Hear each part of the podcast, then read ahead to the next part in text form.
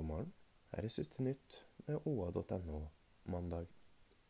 Det snør tett i Oslo og Agder-fylkene på morgenkvisten, men på Innlandet meldes det om fine forhold. Veitrafikksentralen råder folk til å ta seg ekstra god tid hvis de skal ut og kjøre på Østlandet på mandag. Vi har ingen indikasjoner på at det blir utfordringer i Innlandet eller Oppland, sier trafikkoperatør Ole Fredrik Haugen ved Veitrafikksentralen på Østlandet. Også yr.no melder om mye snø i Agder-fylkene og i sørlige deler av Østlandet. Bygda Beito, med postnummer 2952, er det området i Vest-Oppland med de største gjennomsnittlige skattbare inntektene. Tallenes tale er klar. I bygda med postnummer 2952 har hver innbygger i snitt en skattbar inntekt på 456 000 kroner. Ingen andre postnummer i Vest-Oppland kan vise til et så høyt snitt.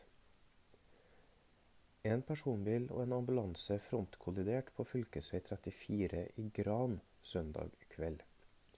Beboere langs strekninga opplyser at det skal ha vært flere trafikkuhell på samme sted det siste døgnet. Ole Skar bor like ved, og han opplyser til Oppland Arbeiderblad at det har vært fire til fem utforkjøringer i nærheten av der han bor det siste døgnet. Bare halvannen time før ulykka havna en personbil i grøfta på samme sted. De hadde en liten baby i bilen. Det gikk bra. Ingen ble skada, sier Skar. Han er meget kritisk til entreprenøren.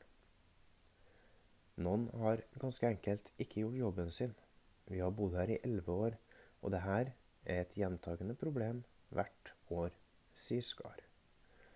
Hold deg oppdatert gjennom dagen og uka på oa.no.